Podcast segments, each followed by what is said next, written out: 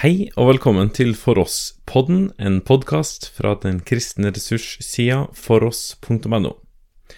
Denne episoden er et opptak fra For oss-konferansen 2019 av Toril Høgsveen Asp, med overskrifta Helt stille.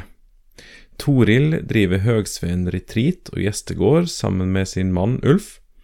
Og i seminaret så ble det gjennomført fem minutter med stillhet, som vi naturlig nok fant det greit å kutte bort i opptaket. Men det går selvfølgelig an å gjennomføre en stille stund for sin egen del når eh, du hører at man er der i opptaket. Det var litt vanskelig å vite hvor mange som kom. Eh, Jeg hadde veldig lyst til at vi kunne sitte litt sånn tettere. eh, Og derfor har jeg gjort det Det gikk ikke så verst. Vi har i hvert fall et litt, felle, litt mer fellesskap rundt sentrum. Og nå er vi jo i kirkerommet. Det var bare det at det var så stort når vi var en liten gruppe. Men eh, vi kunne jo egentlig bare sitte og fokusert litt på alteret og korset. Men for at det kunne komme litt nærmere til oss, så satte jeg opp det ikonet av Kristus og tente lysestaken her, sånn at vi har et lite fokuspunkt akkurat nå. Um, Jeg har fått tildelt et seminaremne som heter hel parentes rundt T-en, og så stille. Altså helt stille. Um, Det betyr at vi vil eh, fokusere litt på den dimensjonen av dette som har med retreat å gjøre, og fordypning å gjøre. Men um, istedenfor bare å snakke om det, så tenkte jeg at vi kunne, vi kunne begynne i stillheten. Eh, Dette seminaret tas jo opp sånn at eh, eh, jeg kommer til å si etter stillheten at nå har vi hatt stillhet, sånn at de som hører på, skjønner hva som har skjedd.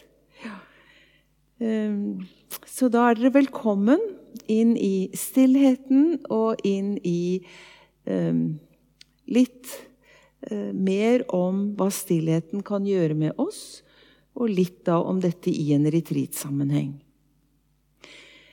Det viktigste på retreat er at vi, vi vet altså, Jeg tar utgangspunkt i det arbeidet vi står i, min mann Ulf og meg.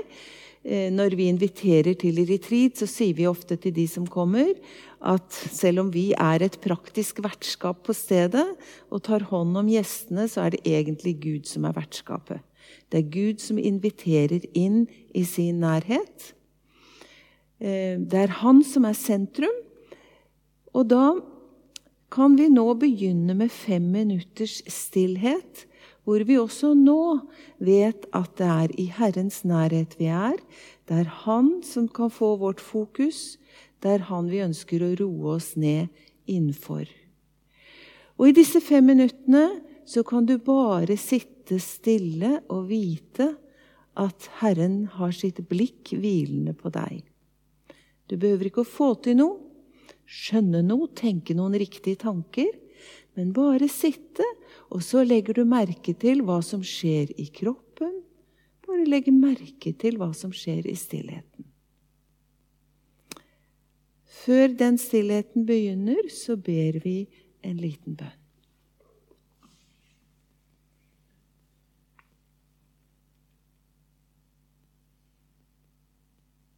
Far, takk for at vi skal få lov til å være nær deg, og vi skal få lov til å ta imot det du ønsker å gi oss. Kan du roe ned vårt sinn og roe ned våre tanker? Og at vi kan få kjenne at vi er elsket og tatt hånd om av deg. Velsign den stunda vi skal ha sammen nå. I Jesu navn.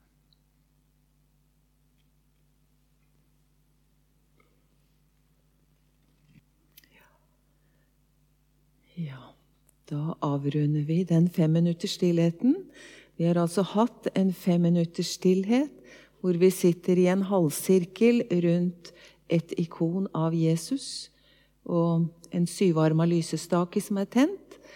Eh, Og dette ikonet er der for å minne oss om at det er Jesus som er det eh, senteret for oss. Det er rundt han vi samles. Nå kan ikke vi ta tid til en liten prat om hvordan det kjentes ut med disse fem minuttene. Men det er sikkert litt ulike erfaringer vi har når det blir stille på denne måten. Noen føler at de blir veldig slitne for det blir så mange tanker i hodet. Noen går inn i en bønn hvor de tenker på alt de har lyst til å be for. Eh, noen syns dette er å kaste bort tida, særlig når vi har et relativt kort seminar, og så skal vi sitte fem minutter helt stille. Ja. Eh, så så prega er vi av det vi lever i ellers, at eh, stillheten det er liksom et luksusfenomen, og den er ikke helt nødvendig, tror vi. Um, dessverre er det jo sånn at det er ikke bare ute i den store verden at det er inn å være 24-7. Det er jo liksom blitt et nytt begrep. 24-7, det er veldig positivt. Da er det på hele tida. Men jeg er litt redd for at vi kanskje er prega av samme tankegangen i våre kirkelige sammenhenger og i det kristne arbeidet. Vi har det ene og det andre og det ene, og det er fullt i almanakkene og, eller på telefonen, da, og det er klokka som styrer. Og vi, vi rekker ikke alt. Og vårt indre menneske og vårt hode er hele tida fullt med alt mulig. Og det kan være viktige ting, men det er liksom nesten ofte altfor mange viktige ting til at vår sjel klarer å henge med i det som skjer. Det var også litt sånn den gangen Jesus gikk omkring med sine disipler. Eh, så det er ikke noe nytt å ha det travelt. Skal vi se Skal vi slå opp i Markus 631.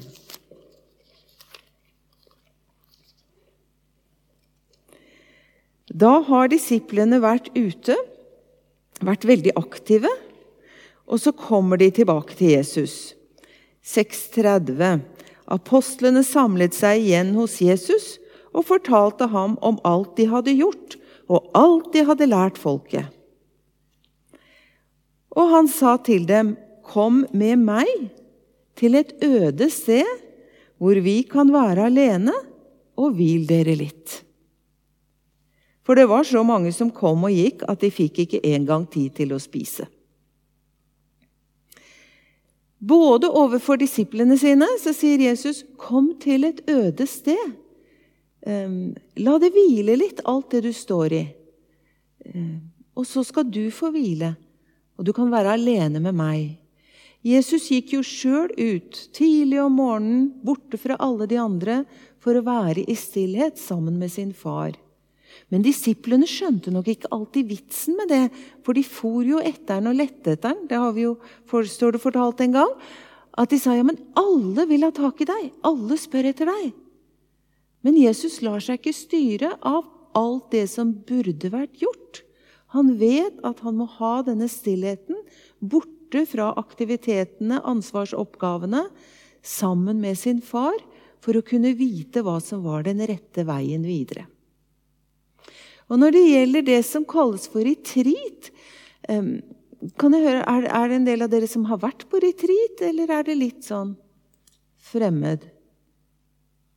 En liten finger? Det, ja. ja, sånn. Vært borti det litt. Det er jo et begrep eh, som vi ikke finner et godt norsk ord for. Retrett høres litt passivt og tilbaketrekkende ut, så jeg syns ikke det er noe godt ord. Da har man liksom gitt litt opp. Eh, men retreat betyr jo at vi trekker oss unna for å være rolige et annet sted, for så å komme tilbake.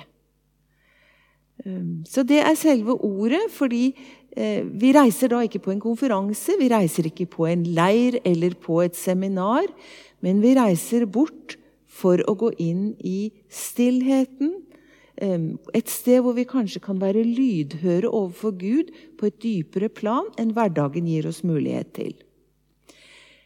Jeg tenker ofte på retreatstedet som et slags tilfluktssted i en verden som ikke alltid er så tjenlig for mennesket. Et tilfluktssted hvor du kan få lov å komme og ta imot, du behøver ikke å ha kjøkkentjeneste, du behøver ikke å skulle prestere noe, du behøver ikke å be bønner i fellesskapet. Du er faktisk et sted hvor alt blir gitt deg. Du får ta imot et godt rom, god mat, eh, ledet gjennom dagens tidebønner. Du skal få lov til å la alt få lov å tas vekk av dine skuldre. Og så, gjennom å ta imot alle disse tingene, så hender det også at hjertet åpner seg litt for å ta imot på en annen måte det Gud ønsker å si. Og den måten Gud ønsker å berøre på. Det er ett ord som, um, som jeg er glad i, et engelsk ord som heter 'gaze'. Um, han sier det, Paulus, en gang, at dere har fått Jesus Kristus malt, korsfestet, malt for øynene deres. Da går han over i bildespråket, hvor han tenker at dette er malt så tydelig at det liksom fester seg på netthinna og fester seg i sjelen. Um, dette ordet 'gaze' på engelsk det har noe å gjøre med å feste et blikk og forbli der slik at du eh, kan kjenne nysgjerrigheten i det. Du kan kjenne undringen. Du er overveldet. Blikket ditt bare fester seg. Og så henger blikket ditt fast med det du fester det på. Jeg finner ikke noe godt norsk ord for det, men det er i hvert fall noe av det vi ønsker å legge til rette for i en retreat-sammenheng og i stillheten. Det at blikket ditt kan få lov å forbli på Kristus og så kan du være der over tid, så du behøver ikke å gå ut og inn, og nå har jeg et kvarter, og nå skal jeg roe meg. Men du får lov å forbli i denne øyekontakten med Gud, hvor du både kan la undringen eh, og nysgjerrigheten komme til uttrykk, og du ser ikke på Han først og fremst for å få lært noe eller få noe du skal ha med deg ut i en annen oppgave, men du er rett og slett i hans nærhet. Eh, når man går inn i retreaten, så tenker man kanskje at nå skal jeg virkelig få lov til å um, høre Guds ord og se klarere. Og som jeg snakka om i går, det tar lang tid ofte før vi faller til ro. Og det første du møter når du går inn i stillheten, er ofte deg selv og alt det du bærer med deg. Det er en, en som heter Arkimandrite Viktor. Han var en russer og var ortodoks prest i Riga og døde i 2016. Men han har mm, Overskriften er 'Det nødvendig', og så har han sagt litt som jeg leser nå. For å komme til tro må vi komme til oss selv. Vi lever så langt borte fra oss selv. Vi arbeider, vi går, vi løper, men vi husker ikke oss selv. Vi må vende tilbake til oss selv, kjenne stillheten i oss selv, erkjenne viktigheten av vår ånd. Hvor er vår stillhet? Alt buldrer konstant i oss. Derfor, om vi skal finne noe av virkelig åndelig verdi, så er det nødvendig å skape øyer av stillhet. Øyer med åndelig konsentrasjon.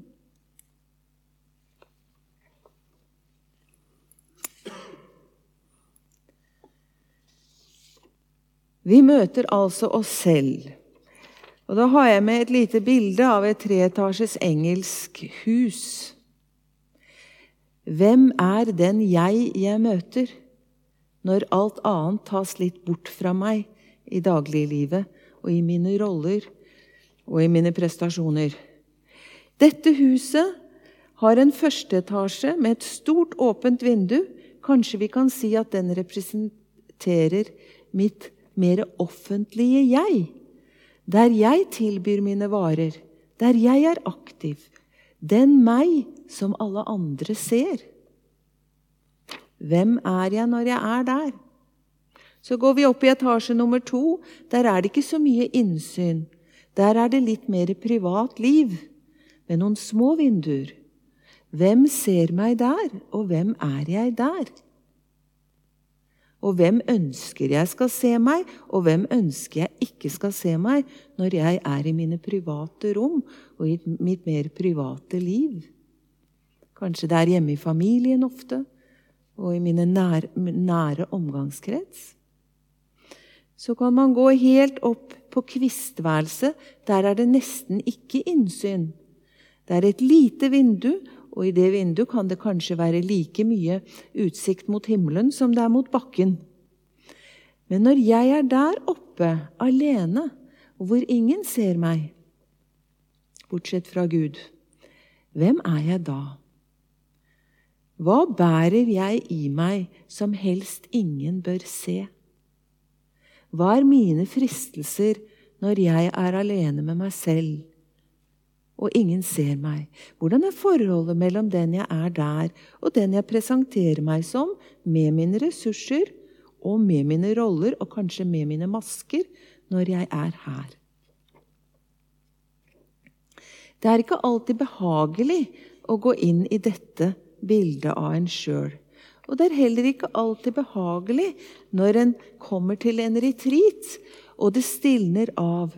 Fordi jeg kan ikke lenger skjule meg i maskene mine. Jeg kan ikke lenger skjule meg i eh, det vanlige livet og det selvbildet jeg bruker der. Jeg kan bli litt ribbet, og det kan være en tøff prosess. Jeg tror at Gud også ville på en måte ribbe israelsfolket.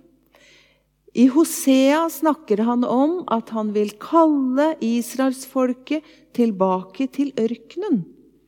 Og ørkenen er ikke et sted hvor det er behagelig å være, hvor det er godt å være. Men israelsfolket hadde blitt så preget av den verden de var omgitt av. De var så preget av alt som var blitt viktig for dem, og de var kommet på veldig lang avstand fra Gud. Det vil si, kanskje de hadde Gud og bekjennelsen i munnen og i sin livsstil, men at de hadde et hjerte som var kommet langt bort fra Gud. Og så sier Gud, fordi han elsker sine barn så inderlig, 'Jeg vil kalle deg tilbake til ørkenen.' Der var det ikke så mye du kunne lene deg til. Der var det bare du og jeg som var sammen. Og der kan jeg forme deg. Der kan jeg få rensa deg. Der kan vi begynne vårt kjærlighetsforhold på nytt. I ørkenen. Og Retriten kan noen ganger være litt ørken. Det er mange som sier at eh, de har ikke så sans for dette med retreat. De har hørt om retreat fordi det blir liksom sånn egoistisk og sånn åndelig selvsentrerthet. Og litt sånn spa-aktig. Ja. Eh, men det er det ikke. Å reise på retreat er for å møte den hellige Gud, og jeg møter meg sjøl i en ærlighet som den jeg er. Og vi vet ikke om dette blir en, en behagelig reise med mye trøst og oppmuntring, eller om det kan bli en ganske tøff utfordring. Det viktige er at det er Gud i sin omsorg og kjærlighet som tar hånd om oss og arbeider i oss og med oss. Og da er det ikke farlig, selv om det kan, bli litt smertefullt. Gud forstår at vi trenger hvile, og han forstår det kanskje bedre enn oss sjøl. Eh, David forsto det i hvert fall innimellom. Han lar meg ligge i grønne enger. Og han leder meg til vann der jeg finner hvile.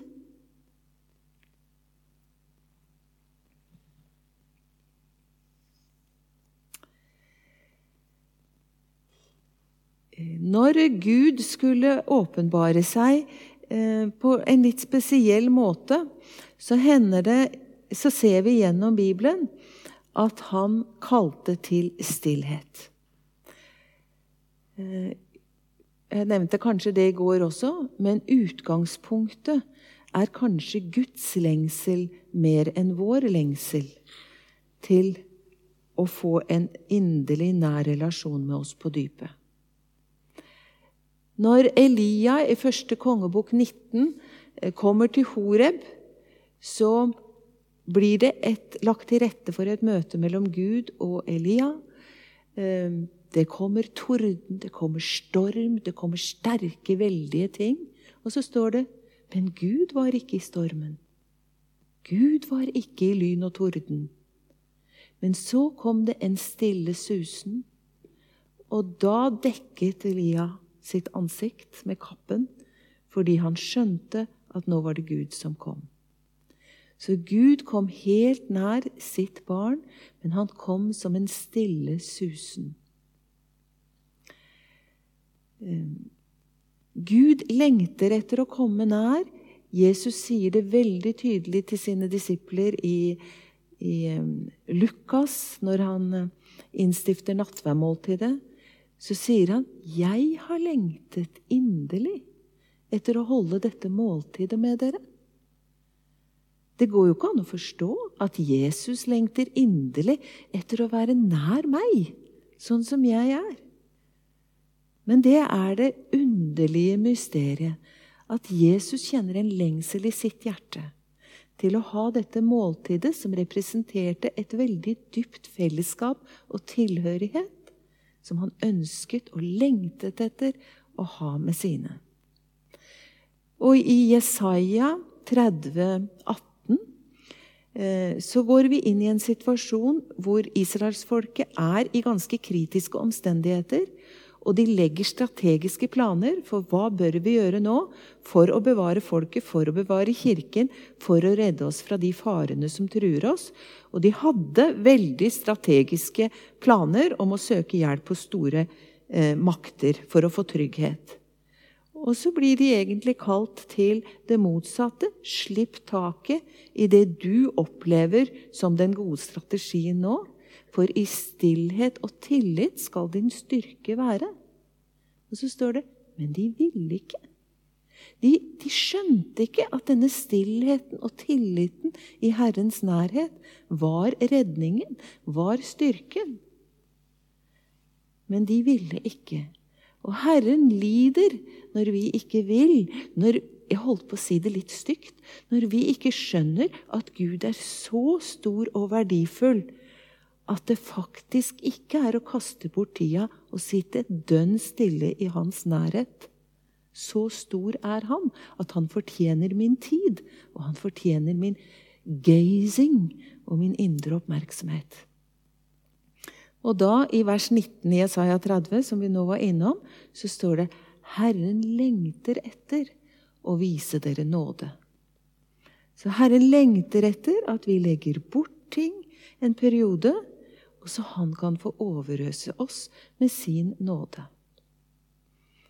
På et dypere plan.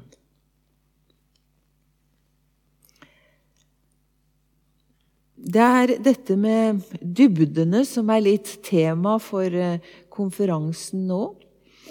Og jeg tenker det er um, flere bilder som kan brukes på dette med dybder. Um, Paulus ber jo for menigheten i Efeserbrevet at vi skal, vi skal, vokse så vi blir stående rotfestet i kjærligheten. Og hvis du har et rotfeste, hvis vi ser på disse enorme, flotte trærne som imponerer oss, så ville de ikke kunne stå der i stormen hvis de hadde noen små røtter der nede og en kjempestor, mektig krone. Og Så kan vi jo undre oss på er det sånn vi noen ganger blir. Er det sånn Kirken blir noen ganger? Paulus ønsker gjennom sin bønn til Gud at han skal skape et rotfeste som virkelig holder. Og det rotfestet skal ikke være i eh, mange regler og mange ting vi må tenke og huske og forholde oss til, men det skal være rotfeste i kjærligheten. Og Det kan godt hende mange av dere går rundt og kjenner som jeg har en venninne som sier jeg kan ikke skjønne at ikke folk vil være glad i meg. altså Du har en sånn opplevelse og en selvfølelse at jeg er et elsket menneske. Men det er veldig mange av oss som ikke er der. Og vi er ikke så trygge på at vi er elskede mennesker. Og at andre ønsker å være sammen med oss. Det er ikke alltid vi er så trygge på når det kommer til stykket der inne, at Gud er så inderlig glad i meg heller. Og så ønsker altså Gud at vi skal rotfeste kjær i kjærligheten. Og da er vi inne i relasjonsspråket, og det er noe som tar tid, for det er snakk om vekst. Eh, og når frø er sådd i jorden, så er det små barn som pirker det opp hver dag for å si har det skjedd noe. Har det skjedd noe? Men vi som har litt mer visdom, vi vet at frø puttes ned, og så er det kanskje mørkt, og det er stille. Og så kommer det næring til dette frøet, og så tar det tid før det blir en liten spire som blir større og større, og til slutt kan bli faktisk et mektig tre. Men det er en vekst i dypet.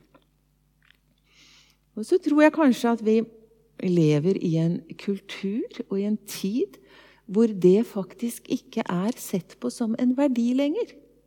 Det som tar tid, det har vi ikke tid til. Så dette som har med vekst og modning å gjøre, det ja, ja, det hadde sikkert vært fint, men vi må videre nå. For det er så mye viktig. Og så spørs det om Kanskje retreat kan være et hjelpemiddel til å bryte de mønstrene og si 'nå tar jeg tid'. En annen side av fordypningen er jo også dette med kunnskap jeg holdt på å si, versus kjennskap.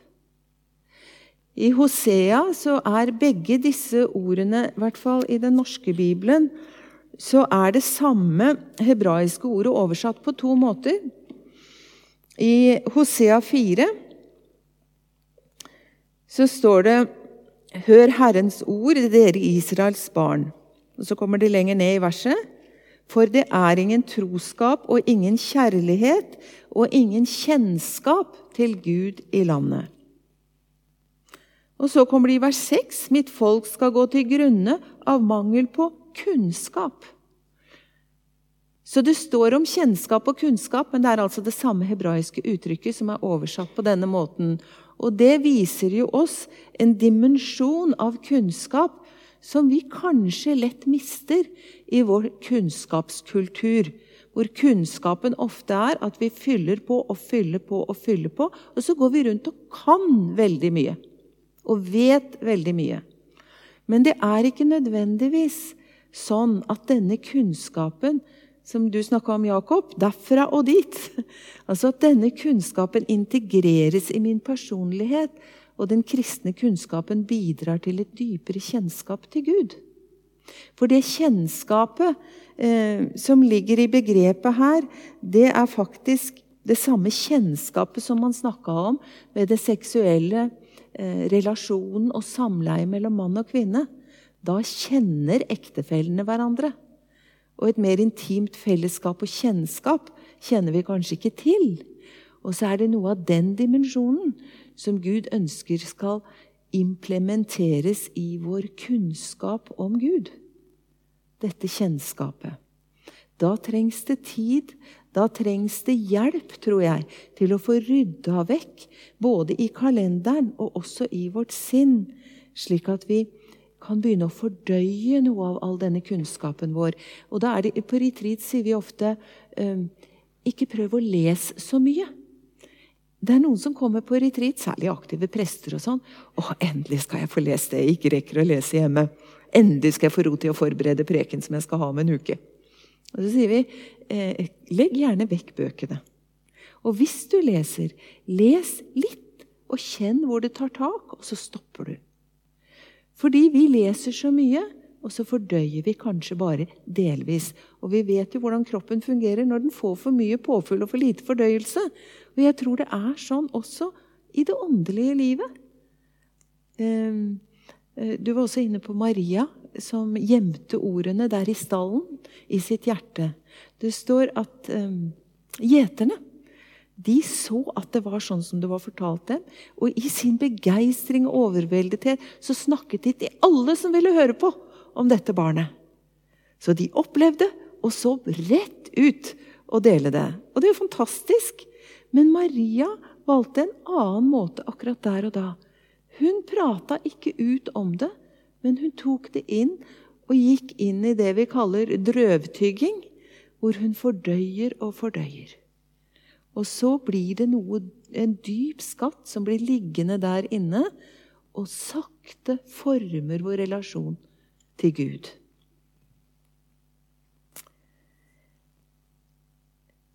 En ting til om denne stillheten. Det siste ordet som vi var innom i denne Lexio Divina i går, som jeg nevnte i full fart, det var contemplatio. Og det er da vi på en måte kanskje har vært i teksten, vært i bønnen, eh, og så stilner det kanskje av, slik at det blir ikke lenger jeg som verken tenker eller former bønner. Jeg bare er i Guds nærhet. Og min store inspirasjon til akkurat den delen, det er det Gud sier til Moses i 2. Mosebok 3, 14.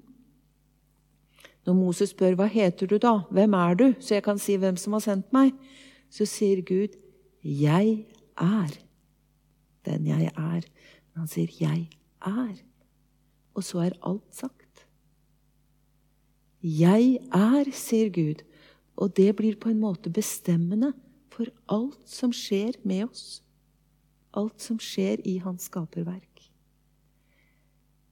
Og vi vet at stillheten ofte er et sterkere språk enn ordene. Når vi skal finne den ytterste måten å uttrykke vår ærbødighet og respekt i tilfelle det har vært en ulykke eller det har skjedd noe med kongehuset, hva gjør vi da? Vi har ett minutts stillhet i hele eh, folket. På arbeidsplasser, i hjem, i skole. Alt stilner av i ett minutt. Fordi det er noe høyere som på en måte tar vår oppmerksomhet, og som blir bestemmende for meg. Og i den situasjonen er det ikke vi som blir aktive. Vi fortsetter ikke med det vi holder på med. Vi stopper opp og nærmest bøyer oss inn i stillheten. Og jeg syns det er et uttrykk for ærbødighet. Og i forhold til Gud hvis vi gjør det, så kanskje vi er veldig nær tilbedelsen. Ærbødigheten. Ærefrykten. Kanskje den dypeste bekjennelsen. Jeg er. Ja, Gud, jeg hører du sier 'jeg er', og jeg bare bøyer meg. Eh, som lutheranere så er det noen begrep vi har hørt mye, og som vi mener vi kanskje kan. Og det er Skriften alene, troen alene, nåden alene. Da dette med åndelig veiledning, ignatiansk åndelig veiledning, hvis noen av dere kjenner til det, Eh, begynte å, å, bli praktisert mer for en 20-30 års tid siden, så var det en del lutherske prester som gikk til noen katolske søstre her i Oslo for å, å lære litt om hva denne veiledningen gikk ut på. Og det de katolske søstrene sa til hverandre, kanskje, det var at det var, det var underlig lite nåde hos disse lutherske prestene. Det er jo en litt morsomt utsagn. Når vi bekjenner nåden alene, i motsetning til den katolske kirke. Men altså, mm, Og en annen her i Norge hadde vi en prest som het Arnfinn Haram, som er død nå, men han konverterte da fra å være luthersk prest til katolikk, katolsk broder. Og han sa litt spøkefullt at eh, lutheranerne har det jo sånn at når vi bare har snakket om det rette, så er det i orden. Når vi bare har snakket om det rette. Så snakker vi rett om rettferdiggjørelsen, så er alt i orden. Og snakker vi rett om nåden alene, så har vi det på plass. Men nåden alene i mitt liv Og jeg tenker at når vi går inn i denne stillheten hvor vi bøyer oss i ærefrykt for Gud, så er vi kanskje veldig nær dette. Gud alene. Nåden alene. Troen, tilliten, alene. Og så er det fra Guds side det skjer, og ikke hva jeg må prestere. Vi har hatt noen unge folk hos oss som sier at 'jeg må jo ikke prestere noen ting'. Og så kjenner man hvor sliten man er av å være aktiv i kirken. Så der kan det kanskje ende med at det blir Gud alene og vi i hans nærhet.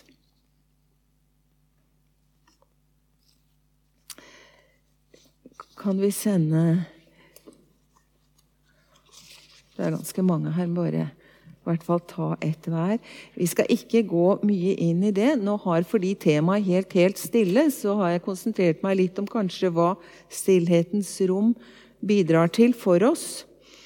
Eh, og Gud i stillheten. Men siden kanskje mange ikke vet helt hvordan en retreat er lagt opp, så tenkte jeg vi raskt bare kunne gå igjennom en ganske vanlig dag. Alle retreater er ikke like, men en ganske vanlig dag på retreat.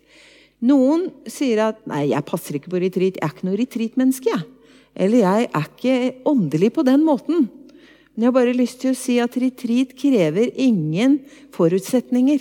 Du behøver ikke å være verken flink til å be eller flink til å være stille eller få til dette her.